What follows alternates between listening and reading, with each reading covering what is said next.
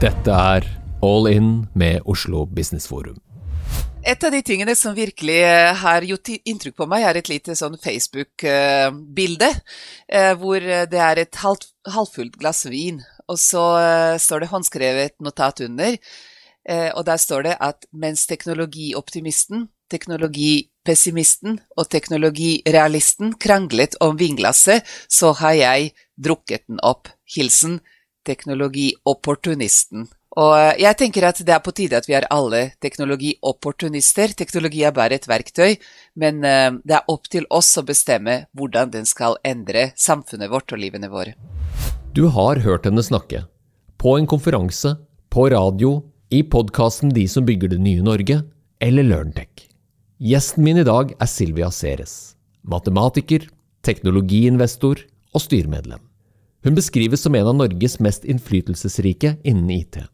Silvia er selvutnevnt teknologiopportunist og er aktuell med boken Staten og dataen. Det vi skal snakke om i dag, er hennes ti bud for digitalisering. Så spenn deg fast. Her kommer en gjennomtenkt profeti fra en av de klokeste IT-hodene i landet. Ti bud som må gjelde for den som vil lykkes som nasjon, bedrift og individ når det kommer til det digitale. Velkommen til podkasten All In med Oslo Business Forum, en podkast for ledere som er lidenskapelig opptatt av ledelse, innovasjon og strategi.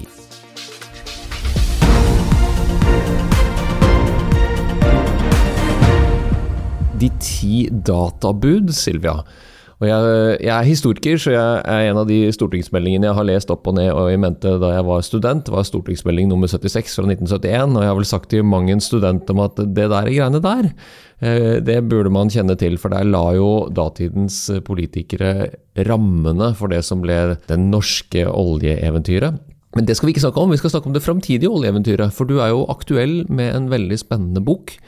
Eh, og du har jobbet mye med å forstå teknologi og dekode teknologi til oss vanlige dødelige. Så vær så god, Silvia, de ti databud. Ja. Nei, altså, ideen kommer vel egentlig fra at um, jeg har um, begynt å lese partiprogrammer nå i dette valgåret. Vi er halvveis i et valgår, og det er fortsatt umulig å se forskjell på partiene, syns jeg, på de sakene som jeg brenner mest for. Og det er hva skal vi bygge fremtiden vår på? Jeg syns at politikk er veldig bakoverskuende, eh, veldig historiepreget, også veldig eh, sånn preget av eh, en underliggende konsensus som på en måte er veldig bra. Altså noen kjerneverdier som alle partiene deler, gjør dette landet til det mest stabile landet i verden. Men de alle er liksom for det gode og mot det onde, og det blir litt lite sånn hva skal vi prioritere opp, og hva skal vi prioritere ned av det gamle og det nye? Og uh, da tenkte jeg at jeg har lyst til å lage en litt sånn aktivistisk bok, som jeg først kalte Digital dugnad. Den ble skrevet, Konklusjonen ble skrevet på dugnad, og det er 150 stykker som har kommet med sine forslag til hvordan Norge skal gå inn i digital dugnad. Og så Idet jeg bearbeidet det, så tenkte jeg dette er en gullgruve, her er det nok ideer til å lage ni nye partiprogrammer. Så for hver av de uh, ni stortingspartiene så har jeg tatt utgangspunkt i én kjerneverdi, og det er uh, type arbeid for alle for Arbeiderpartiet, eller desentralisering for uh, Senterpartiet, ironisk nok, eller uh, klima fremfor alt for MDG. Og så har jeg prøvd å tenke, hvis det er dette folk som stemmer for dette partiet, brenner aller, aller mest for, hvordan burde Eh, de sakene som dette partiet ønsker å kjempe for i fremtiden, egentlig ser ut. Og dette er saker som dreier seg om hva skal vi jobbe med, hvor skal pengene våre komme fra, hvordan skal vi skape de nye industriene, de nye jobbene og det nye samfunnet som omskapes nå mens vi prater. Og det har vært veldig spennende egentlig også å gjøre i løpet av et koronaår, da. Fordi uh, i utgangspunktet så var vi alle fascinerte av vår digitaliseringsevne. Og så syns jeg det har vært litt for lite refleksjon over hvor mye blir vi endret, og hvor mye styrer vi den endringen selv i forhold til ny arbeidskultur, eh, og kanskje ny politikk også. Så, så da har jeg eh, skrevet disse ti eh, databud som egentlig harmoniserer med alle ni nye partiprogrammer. Spennende. La oss sette i gang. Første bud, skap en felles dataplattform for god offentlig datastyring. Og så legger du til at data er en ressurs. Forklar. Ja. Det, det, er et par ting som jeg har inntrykk at uh, våre politikere og våre næringslivsledere og våre uh, borgere ikke har forstått godt nok. Og det dreier seg først og fremst om data som ressurs og algoritmer som styringsverktøy. Data er en uh, ressurs som alle de store Silicon Valley-selskaper bygger sin fremtid på, og de har nå blitt høyest verdsatte selskap i verden. Og tilsvarende er Eh, utrolig store verdier eh, skapt i Kina på basis av noe helt nytt, som ikke de hadde noe kulturelle måte, utgangspunkt til å, til å, virkelig ta de vinnerposisjonene på. Data er den nye oljen, men det er tilfellet bare hvis eh, vi vet hva vi vil med data. Og hvis vi, eh, hvis, hvis vi samler data på en måte som gjør den brukbar, ellers er det bare gråstein med personvernsproblematikk. Så, så det, å, det, å, finne en modell hvor du kan styre eh, datainnsamling, dataforvaltning, dataforbedring, datautvidelse, tilgang til data med flere roller, sånn at la oss si helsedata kan alle forskere ha tilgang til en bestemt type anonymiserte data. Eh, fastlegene har bestemt type tilgang. Eh, spesialisttjeneste, Nav, andre offentlige tjenester, foreldre, sånn at vi kan komme til det ene store datasettet, som gjerne består av flere aktørenes uh, lakes, men klistret sammen med disse nye måte, verktøyene, og tilgang som gjør data til en ressurs som faktisk er brukbar. Jeg er lei av at vi bruker personvern som en unnskyldning for innovasjon, mens, eh, mens, vi gir bort våre dataene til andre siden av kloden, så de skal komme tilbake og gi oss nye velferdstjenester som kommer til å utkonkurrere våre egne. Vi går videre. Her gleder jeg meg til å høre mer, for nå er vi på min hjemmebane, Silvia. Nå skal vi inn i den historiske godtekroken. Eh, behandle norsk data som naturressurs, og sørge for at data skapt på norsk jord tilfaller det norske samfunnet. Det er tre ganger Norge, da, så man er helt sikker på hvor vi holder på med. Men hva, hva har du tenkt her? Nei, altså dette er eh, tror jeg det høres veldig sånn eh, kontroversielt og provoserende ut for folk. Og det høres kanskje også litt overnasjonalistisk ut. Men, eh, men, tanken her er at du under f.eks. pandemien har eh, til enhver tid sendt i gjennomsnittet 70 eh, datasett i 70 apper gjennom telefonen din til andre siden av kloden. Og der var både lokasjonsinformasjon og veldig mye annen informasjon. Og hvis du går med klokker og hvis du bruker Strava osv., så, videre, så så er det etter hvert ganske mye sånn intim informasjon du driver og sender ut om deg også.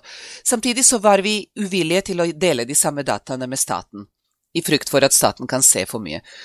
Og, og, og da er vi tilbake til akkurat det jeg avsluttet forrige bud med, at uh, da kan Apple eller Amazon eller Alibaba snart tilby deg helsetjenester som kommer til å være mer personaliserte og mer kunstig intelligens-enablede, uh, og de kommer til å utkonkurrere noe av det som norsk stat kan tilby deg.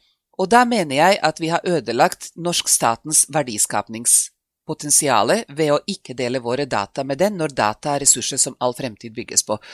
Så det jeg håper, er at vi kan begynne en diskusjon om et slags dataskatt, dataplikt, som vi alle har, mot staten. Sånn at staten, og med staten mener jeg ikke staten med stor S egentlig, men jeg mener fellesskapet, offentligheten, og at disse dataene skal forvaltes eh, på noen demokratiske prinsipper som, som vi alle er enig i. Ikke sant? Men at det er eh, på en måte Jeg vil veldig gjerne at eh, La oss si Oslo og Ruter har mer data om vår transport enn Uber. Fordi det er Ruter som kommer til å tilby oss offentlig finansierte tjenester. Uber kommer til å bare prøve å tjene penger på oss. Jeg er veldig glad for å høre dette, og for den som er interessert i det, så kan du lese det opp på norsk hjemfallsrettslovgivning, som på begynnelsen av 1900-tallet ble egentlig funnet opp fordi at det kom utenlandske investorer inn og kjøpte opp eh, norsk vannkraft.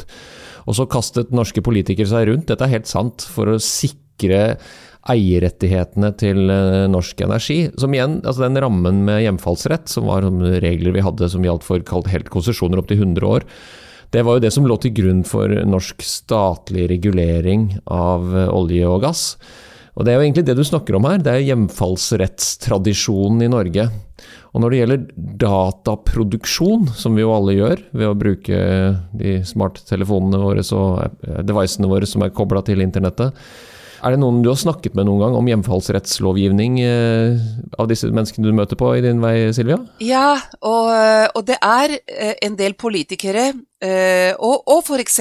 Statkraftsjefen, Christian Rønning Tønnesen, som er veldig på en måte sterke, intuitive, som kan forklare hvorfor dette var riktig for Norge, og, og, hvordan vår velferd og velstand baserer seg egentlig på den omfordelingstanken som er bak hjemfallsrettigheter. Men, men, det virker akkurat som folk tenker at data er noe helt annet. ikke sant?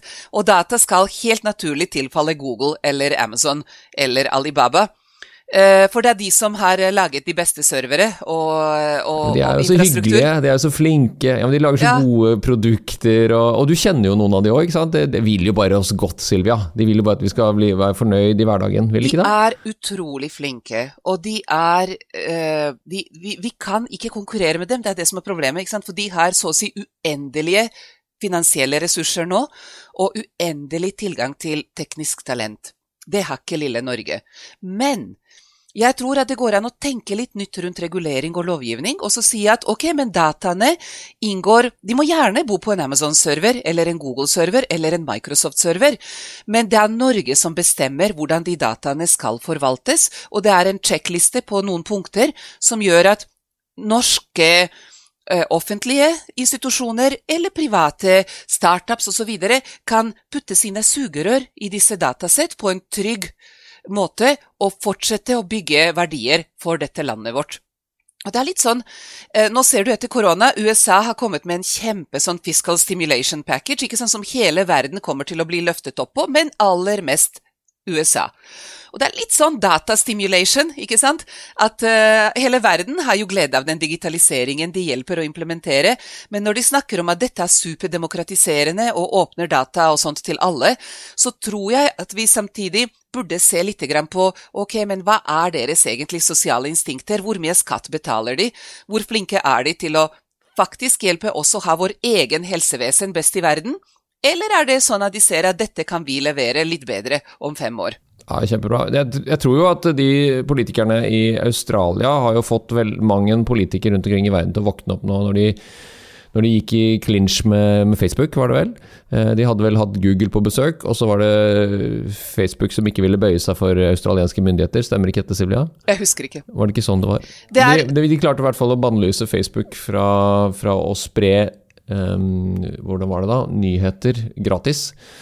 Eh, fordi at eh, Australienerne vil eie retten til å si til en plattformøkonomi, som Facebook er, at det er vi som forvalter rettighetene, altså opphavsrettighetsproblematikk, og så la de en skatt på Facebook sin uh, mulighet for å dele lenker til, uh, til, nyhetsartikler. Og Det er ganske fiffig, for da, da, gjør du akkurat det du sier, ikke sant? men på, et, på nasjonsnivå. Ja, og jeg, jeg tror at én ting er å beskatte, og det, problemet med databeskatning er at det er kjempevanskelig, og en, en artikkel er også data, ikke sant? Eller, eller, men enda mer interessant blir det måte, å samle data som går litt mer på individnivå, for da kan du begynne å tilby folk personaliserte tjenester. Å samkjøre helsedata med finansdata, med data fra offentlige kilder osv.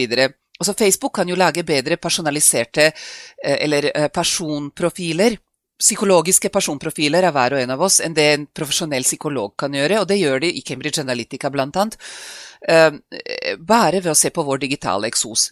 Men det som jeg syns er vanskelig med dataskatt, er at det vi ikke skjønner, er at disse store dataselskap samler så mye data, og det er, måte, eh, det er, det er 'quantity has a quality of its own', sa gode Stalin for eh, veldig mange år siden.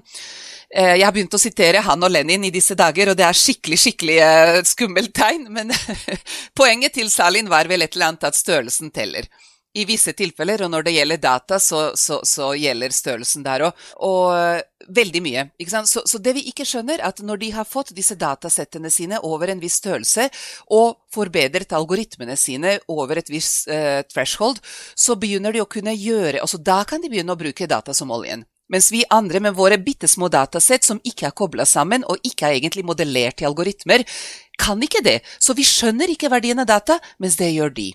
Og, og, jeg tenker at dataskatt eh, kan ikke være bare på dagens tjenester. Eh, for, for, fordi det er et eller annet med at data skaper en opsjon på fremtidig verdiskapning. De verdiene som, de, som Facebook eksempel, kommer til å skape når de begynner å selge oss tjenester som vi er villige til å betale for om fem år, eh, på en måte kan ikke beskattes i dag på en, på, en, på en, normal måte. Og det er dette som blir så vanskelig. Det blir en helt ny modell for økonomi også. Og jeg ser fortsatt ikke noen særlig økonomer som er villige til å ta en sånn type opsjonsbasert fremtidig modell for Norge og det er veldig mange, eh, både politikere, eh, byråkrater og konsernsjefer, som eh, kommer opp med pekefinger nå og sier at de advarer mot å bruke parallellen til oljeeventyret vårt, for olje var noe helt annet, sier de.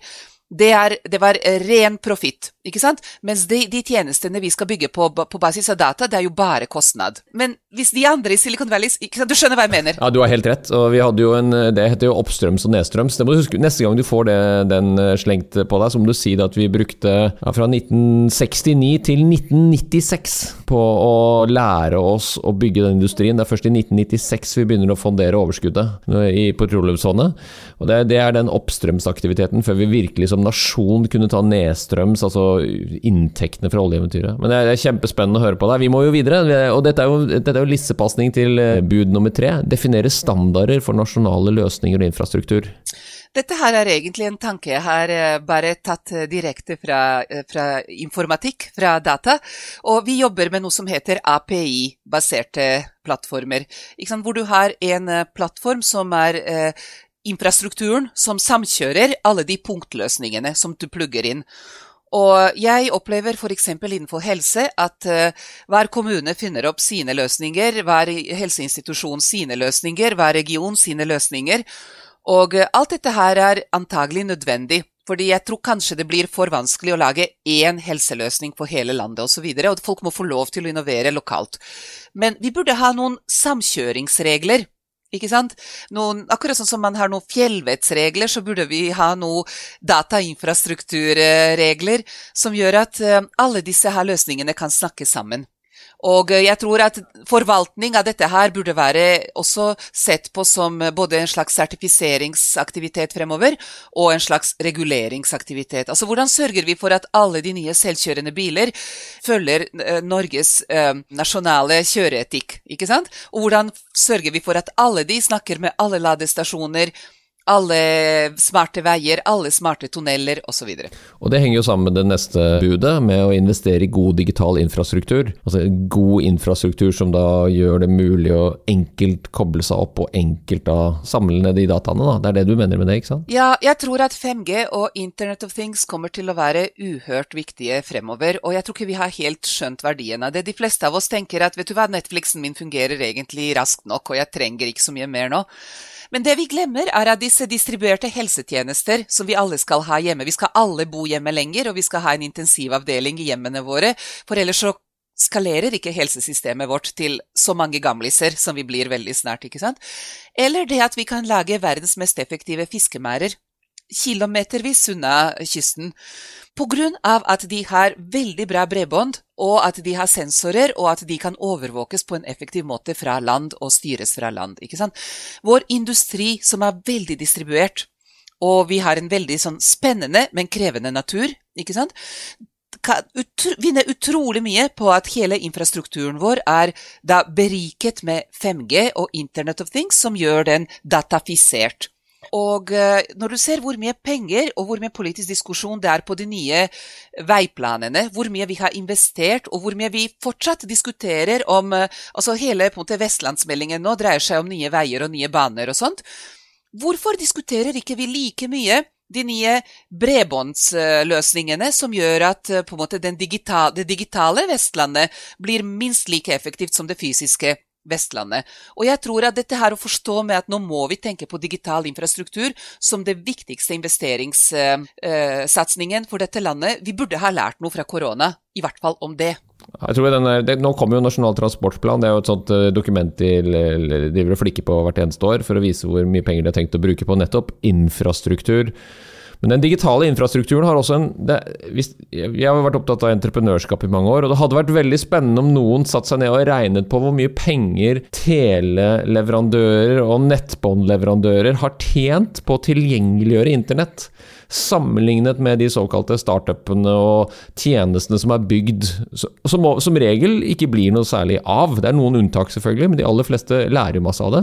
Men jeg tror det vi nok ikke helt ser her, er at infrastruktur er veldig gunstig økonomisk. Og det som jo gjerne skjer da, at da blir det også en treghet hos leverandørene, for de har jo en egeninteresse av å ikke ikke lage et felles system. For det ville vært, Da ville jo Lenin hadde jo sagt at ja, vi må lage ett system for alle sammen, og så ferdig med det. Ja. Men det, sånn er jo ikke tilfellet. Forresten, jeg må bare på en måte med en gang komme, med, komme klar her. Når jeg sa at jeg har sitert Lenin i det siste, så har jeg sitert ham på eh, at uh, han har sagt de er, de er veldig språkmektige, disse folka. Og det henger sikkert med at uh, uansett hvordan de på en måte fokuserte på antiintellektualisme, så har de lest uh, forferdelig mye, egentlig. Og um, Lenin sa at noen ganger er det flere tiår hvor ingenting skjer, og så er det noen uker hvor flere tiår skjer. Og det syns jeg oppsummerer veldig fint uh, korona. Det er bare at nå syns jeg den, den her det, 52 sånne uker hvor flere tiår skjer, det, det begynner å holde. Men tilbake til, tilbake, til, dette med, med på en måte skal eh, infrastrukturleverandører tjene penger på det nye. Altså, For å være helt ærlig, jeg vil veldig mye heller at Telenor, som vi alle sammen eier eh, en god andel av, eh, tjener seg superrike på dette her. Og kanskje også at Telia og andre aktører eh, i Norden, Norge, blir verdensledere på smarte nett, eh, sånn som Nokia og Eriksson har blitt nå. Og eh, infrastruktur og sensorer og kunstig intelligens, altså en digital infrastruktur for den fysiske industrien og fysiske, det fysiske samfunnet, enn at det er bare kinesere eller uh, Silicon Valley som tjener penger på det. Og jeg tror at vi må skjønne at det er det som er konkurransen. Ikke sant? Og det er veldig mye bedre at vi i Norden blir verdensledende på dette her, og så kan vi eksportere det, litt sånn som vi eksporterte oljeinfrastruktur. Og så, og så må det være lov å bli rik på dette her. Fordi det, det, er noe av det som jeg syns veldig ofte offentlig sektor er veldig redde for at nå, nå må vi passe på at ikke private interesser eh, vinner på dette. Og eh, det var flere kronikker nå nylig Eh, blant annet med Klaus Moen, da, som sa at nå vi passer på penga, mektige interesser frir til politikere og forvaltningen eh, med honnørord som omstilling og bærekraft, og da er det veldig lett å gi etter, men fellesskapet har en lei evne å ta opp regninga. Og jeg er grunnleggende uenig, fordi jeg mener at ja, fellesskapet skal ta regninga for det, og noen skal bli rike på dette her, men det er bare når vi har satset på den måten av fellesskapet at vi har klart å bygge oljeeventyret vårt eller vannkrafteventyret vårt. Og derfor så er jeg veldig, veldig stor fan av Mariana Mazzucato og hennes uh, Mission Economy. Uh, og jeg håper egentlig at kanskje hovedpoenget med boka er at staten bør bli en innovasjonsplattform, og burde finne plattformer som henger bra med norske kulturelle og, og, historiske styrker, og det er hav, og det er offentlig forvaltning, tror jeg. Men, men tilbake til la Telenor tjene penger. Jeg tror at det er, det, er, det er, bare fint, for det er sånn vi blir raske og konkurransedyktige. Det er fint. Da blir de glad ute på Fornebu. Eh, bud nummer fem. Spre fremoverlent kultur og prosesskunnskap i offentlig sektor. Ja jeg, eh, altså skal staten bli en innovasjonsplattform, så må staten få lov til å begynne å ta litt risiko. Vi må få lov til å gjøre litt mer sånn som vi har gjort med Altinn og Brønnøysund og eh, Lånekassa og Nav og Skatt. Og eh, vi har en del utrolig spennende prosjekter som jeg ikke ser noen andre steder i verden i forhold til digitalisering av offentlige tjenester, og staten som en dyktig innkjøper. Men jeg tror at folk henger så fast i en sånn modell hvor du skal unngå all risiko, og alt annet er uansvarlig, og da tror jeg vi tar den største risikoen av alle, og det er å ikke ta nok risiko. Og så sitter folk igjen i litt sånn gammeldags måte å jobbe på, waterfall-modell, istedenfor å være agile. Og der er jeg veldig stor fan av Torbjørn Larsen, som har eh, eh rett og slett eh, revolusjonert, tror jeg, måten Nav jobber med IT på, og gitt oss et eksempel på hvordan en elefant kan danse. Veldig rare bilder. Eh, bud nummer seks. Definer nye økonomiske modeller og samfunnsmodeller som tar hensyn til eksponentielle framskrivninger. Ja, og dette her eh, tror jeg vi var innom på litt grann før, men ideen her er at hvis du ser på hvordan vi lager, la oss si statsbudsjettet, eller hvordan vi eh, forvalter så driver vi med lineære fremskrivninger. Vi øker med 2% her, med en halv prosent der, og så kutter vi med 3 et annet sted. Og så er det liksom litt sånn lineært på alle fronter. Men hvis du ser hvordan eh, alle teknologier eh, drevet av det digitale har vekst i sin potensiale, om det er solceller eller batterier eller datamaskiner i våre telefoner og hva vi kan gjøre med dem, så følger de en helt annen kurve, og det er den eksponentielle kurven. Og jeg vet at det er veldig vanskelig å lage budsjetter med disse hockeysticks, men jeg tror vi er nødt til å tenke litt mer investering og litt mindre kostnader når vi bygger disse her eh, viktige budsjettene våre. Og det fins ikke gode nok modeller for dette her. Ikke sant? Det vi bruker, er eh, modellering som, som tenker tredje industriell revolusjon og lineær vekst. Og jeg, når jeg spør da, om, om, det er staten som investor, eller staten som innkjøper, eller staten som bare er, er, måte, forvalter da, av penger, så ser jeg ikke at det er lov å tenke ok, vi må utnytte eksponentialiteten med fellesskapets penger, istedenfor at vi eh, på en måte bare et, et lite eksempel der er eh, Geir Førres eh, nano, nanodrone-eventyr. Utrolig kult produkt. Hvorfor eier ikke vi som Norge det? Hvorfor selger vi det ut til amerikanere det øyeblikket dette begynner å bli et ordentlig verdiskapningsverktøy? Jeg kan ikke nok om økonomi, og jeg håper veldig at en økonom er villig til å være med og prøve å definere disse nye langsiktige eksponentielle modeller. Ja, Vi har hatt noen økonomer på besøk i, i All In med Oslo Business Forum, så vi skal plukke opp den hansken. Men jeg, jeg, tror jo også det har noe med, med, hva slags syn man har på teknologioptimismen. Nå kaller jo du deg teknologiopportunist, men jeg vet jo at du er jo en sterk ja, du, du folkeopplyser med det at vi må våkne opp og følge med på hva som skjer.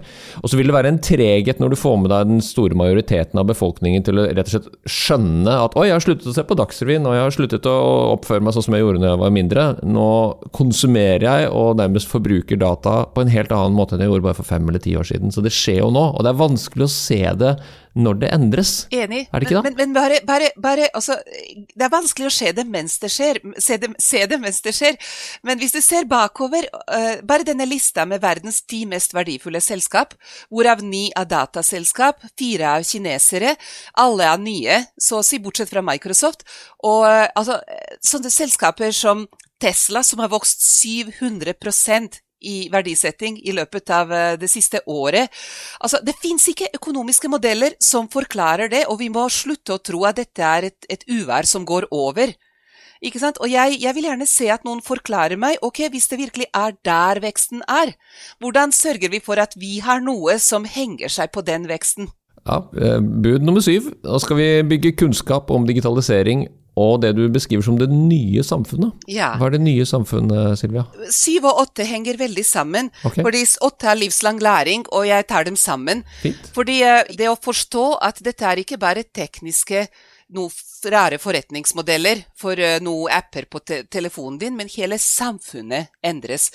Uh, jeg snakket med en veldig flink dame som heter Anne Kjersti Befring, som har akkurat skrevet en bok om uh, type helselovgivning, og der er det AI som er et veldig viktig poeng nå. Hun sier all fremtidig helse kommer til å være basert på AI og data. Ikke sant? Ja, hva, hva, betyr det for måten vi tenker på offentlig helse, privat helse, eh, he design your health versus eh, ikke sant, redd meg, nå har jeg fått kreft.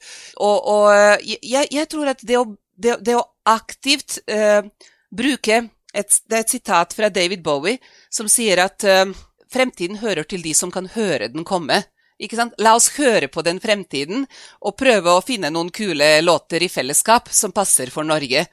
Det er liksom bud nummer syv, og bud, bud nummer åtte er at dette gjelder alle, ikke bare noen få digitale kjendiser. Eh, jeg syns vi driver med litt sånn eh, digital eh, pornografi i våre foredrag. Se på dette og se på dette, og er ikke det kult og er ikke det skummelt? ikke sant? Istedenfor å si at ja, men hva betyr dette for norsk skole? Hva betyr det for den nye pedagogikken?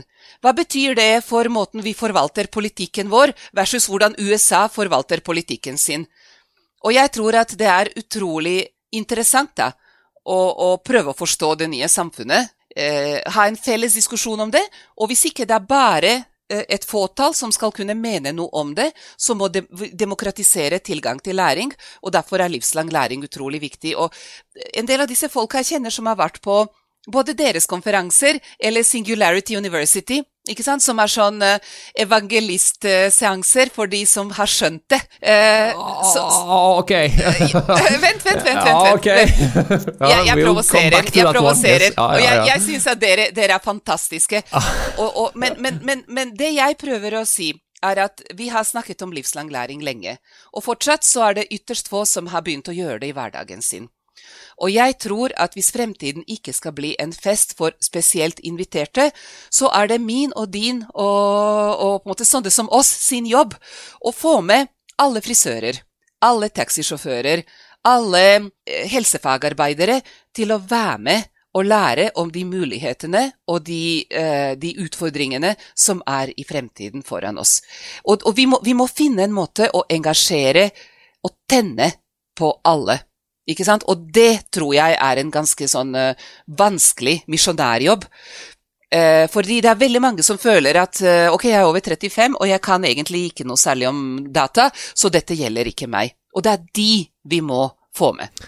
Ah, her kunne vi ha holdt på i to timer, tror jeg. Bare Jeg skal ikke gå i den fella. Men det er jo, det er jo en frykt, Silvia. Altså, det er mange som føler seg usikre på på hva dette her innebærer, hvilke konsekvenser får det, samfunnet endrer seg, forventningene til meg som individ og omgivelsene mine endrer seg, og, og farten det også oppleves at det har. Altså der, man er usikker på om den tryggheten man kanskje trodde man skulle ha i, som innbygger i Norge, da, uavhengig om man bor i en by eller man bor i et eh, tettsted, så oppleves de endringene nå også som trusler. Og når du er i en trusselmodus, da er du ikke veldig mottakelig for å lære deg noe nytt. Selv om folk sier det og velmenende og ber deg komme på både konferanse og dra til på, på Ja, lær nå deg dette her, da. Det kan jeg svære på det?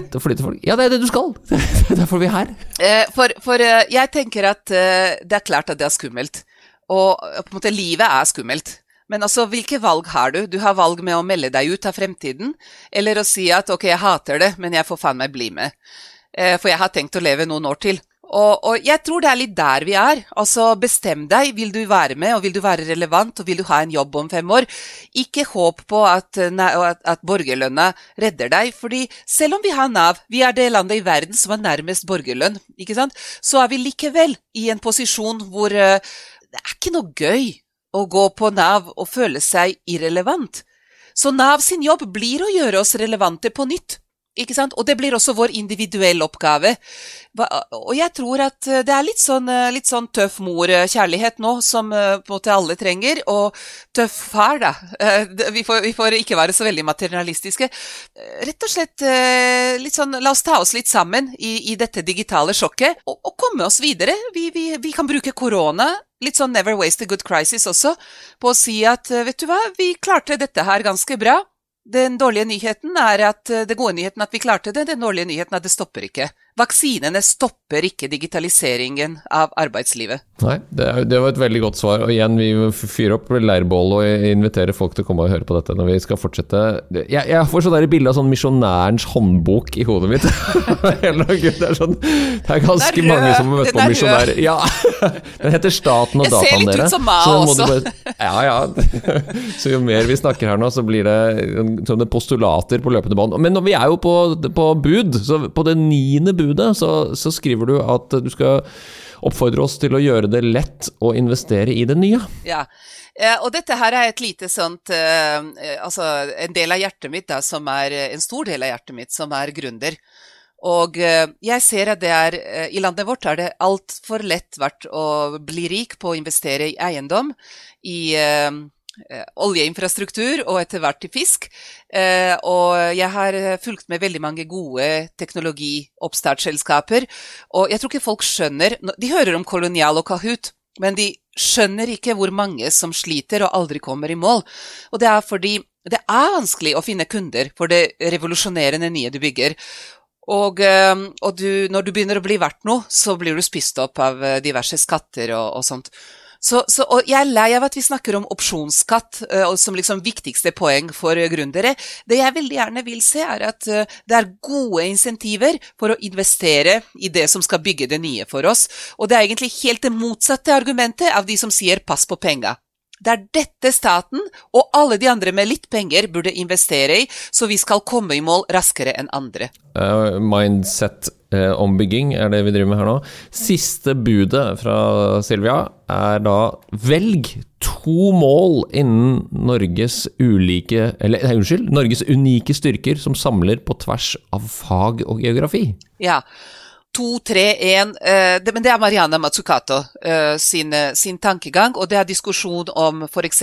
staten burde være aktiv i å definere industriell politikk eller ikke. Og der er det eh, veldig mange gode økonomer da, som, som syns at dette er veldig farlig, fordi vi gambler på en måte som politikk ikke er i stand til å gamble med. Men hvis du ser på alle land i verden som har bygget seg ordentlig, eh, som har vunnet Eh, sine runder i forskjellige industrielle revolusjoner, så har de gjort det på basis av at de har satset på et eller annet de kan gjøre unikt bra. Og eh, Det har USA gjort, og det har Kina gjort. og det, det, er en veldig fin bok som heter 'Industries of the Future' av en som heter Alex Ross, som forklarer for ti forskjellige land, tror jeg, om hvordan de har gjort det.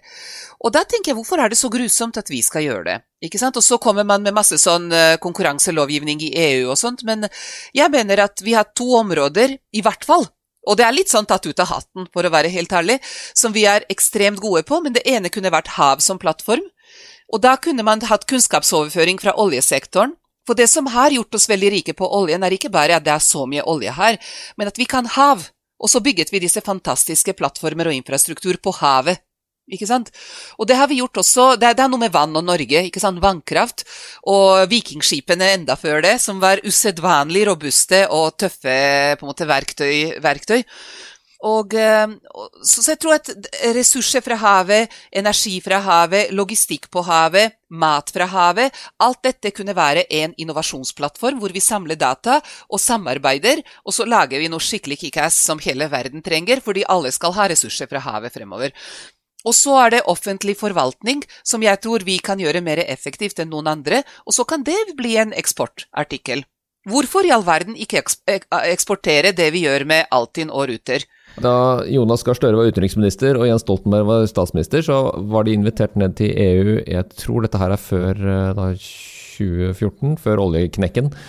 Og da ble de invitert for å snakke om eh, den nordiske modellen. Og på et eller annet tidspunkt så må noen av de, eller rådgiverne deres, ha sagt at nei, men Jens, vi døper det om til den norske modellen. Og så ble det etter det en periode i Norge hvor man snakket om konsekvent den norske modellen, som er en sånn velferdsstatsmodell med Nav, verdens beste sikkerhetsnett selvfølgelig, og alle disse ordningene vi har lagd i fellesskapet.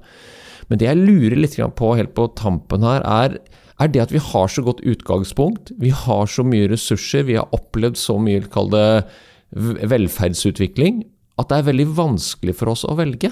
Tror du det, Silvia? Og jeg tror det er, her, det er her opportunisten kommer inn, ikke sant. For å være litt personlig, så har jeg kommet da fra Jugoslavia, et land som ikke fins lenger, som har gått til hundene, ikke sant. Og når jeg sammenligner det utgangspunktet som Norge har, med det utgangspunktet Jugoslavia har Og misforstå meg rett, det var et fantastisk hyggelig land å vokse opp i. Masse god, sort humor, kjempeutgangspunkt for barn og damer. Gode, vak vakker natur, snille folk. Altså, det var et land som hadde alle forutsetninger, gikk ad undas. Eh, og så kom jeg til Norge.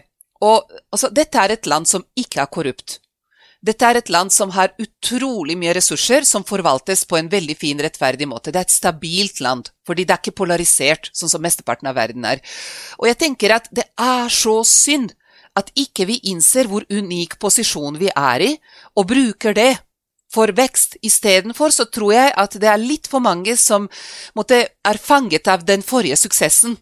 Vi sitter fortsatt i en sånn oljerikdomssjokk, for å være helt ærlig, og, det er derfor vi tror jeg ikke skaper nok sense of urgency.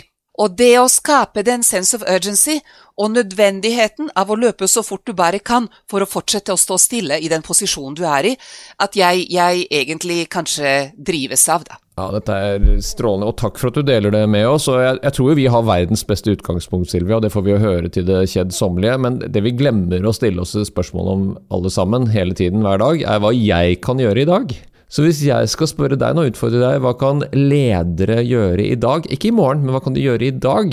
For at vi skal komme nærmere og å oppfylle de ti bud for digitalisering? Jeg tenker at uh, det viktigste de skal gjøre, er å tenke at dette er min jobb.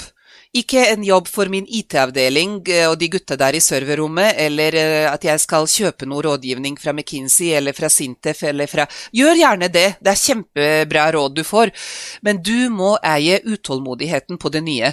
Og det er en modell som jeg har snakket om før, som er denne her tvehendige ledelsen.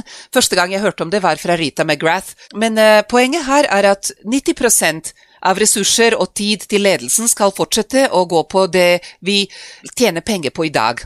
Ikke sant? Og um, det, det, er vanskelig nok, det, ikke sant? å bygge business og komme positiv ut av det med, med, med det vi allerede forstår, og det markedet vi allerede har. Men spar, stjel 10% av din tid og av uh, bunnlinjen, og uh, invester det i det nye. Og du må være besatt av det nye like mye som at du er besatt av det bestående. For hvis du, hvis du, lager en liten inkubator og gir dem et par millioner kroner og sier at vi ses om to år, prøv å finne på noe kult, så garanterer jeg at det ikke blir en del av din kritisk eh, produksjon og leveranse og marked. og da kommer du ikke på det nye. Så det å, det å på en måte eie det nye i like stor grad som det gamle, å finne en bro over i fremtiden og den nye forretningsmodellen og den nye politikken, det tror jeg egentlig er jobben til alle gode, vellykkede ledere og politikere. Og så må du skaffe deg staten og dataen. Det er et must. Og så må du embrace den her uenigheten. Veldig fin og nyttig å lese. Og vær besatt av det som nå endrer seg, og ei utålmodigheten. Tusen takk for tiden din, Silvia, og alle disse kloke ordene du deler med oss. Takk for at jeg fikk være med. Hvis du likte denne podkasten, hadde vi satt utrolig stor pris på om du abonnerte og gir oss en tilbakemelding i avspilleren. Spre gjerne ordet videre til andre ledere som er lidenskapelig opptatt av ledelse, strategi og innovasjon. Mitt navn er Tor Haugnes. Sammen er vi all in med Oslo Business Forum.